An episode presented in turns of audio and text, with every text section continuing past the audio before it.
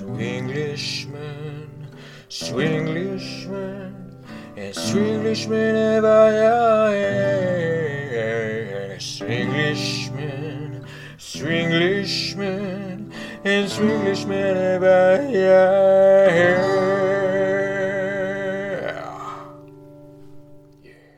Hej hej hej ho och välkommen um, till podden Swinglishman. Jag heter James och uh, jag är engelsman. Och den här podden handlar om kulturkrock och kulturella reflektioner.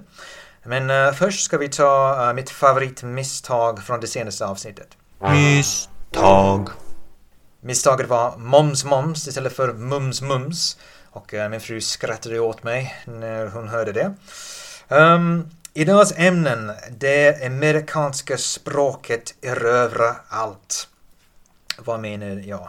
Uh, ja, jag menar att den amerikanska engelska erövrar världen. Oh, kanske Sverige, men kanske också världen.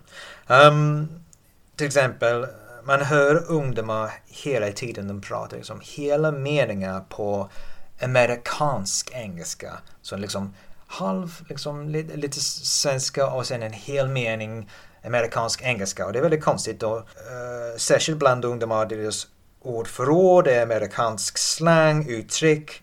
Och den är inte min version av engelska, det spelar inte min identitet. Och det verkar som amerikansk kultur uppslukar allt. Uh, filmer, serien och så vidare. Och um, det är liksom deras mediemaskin spyr, deras kultur och värderingar över hela världen.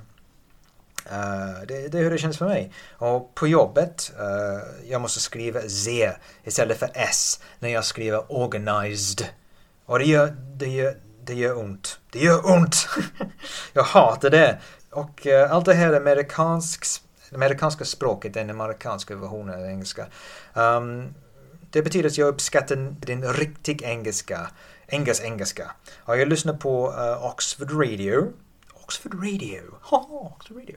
Uh, ibland. Och uh, jag hörde ett ord när jag lyssnade på den här Oxford Radio och det var gobsmacked.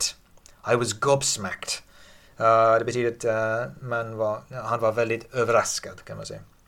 Och jag nästan grät när jag hörde det här ordet för att jag var så lycklig. Det var mitt engelska från mitt hemland Um, det var inte en konstig amerikansk version som någon svensk ung person pratar. Och uh, det, var, det, var, det var mitt engelska. Engelsk, engelska.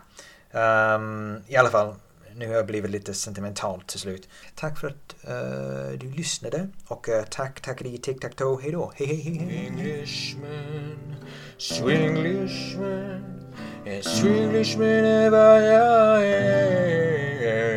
Swinglishman, swinglishman, and swinglishman ever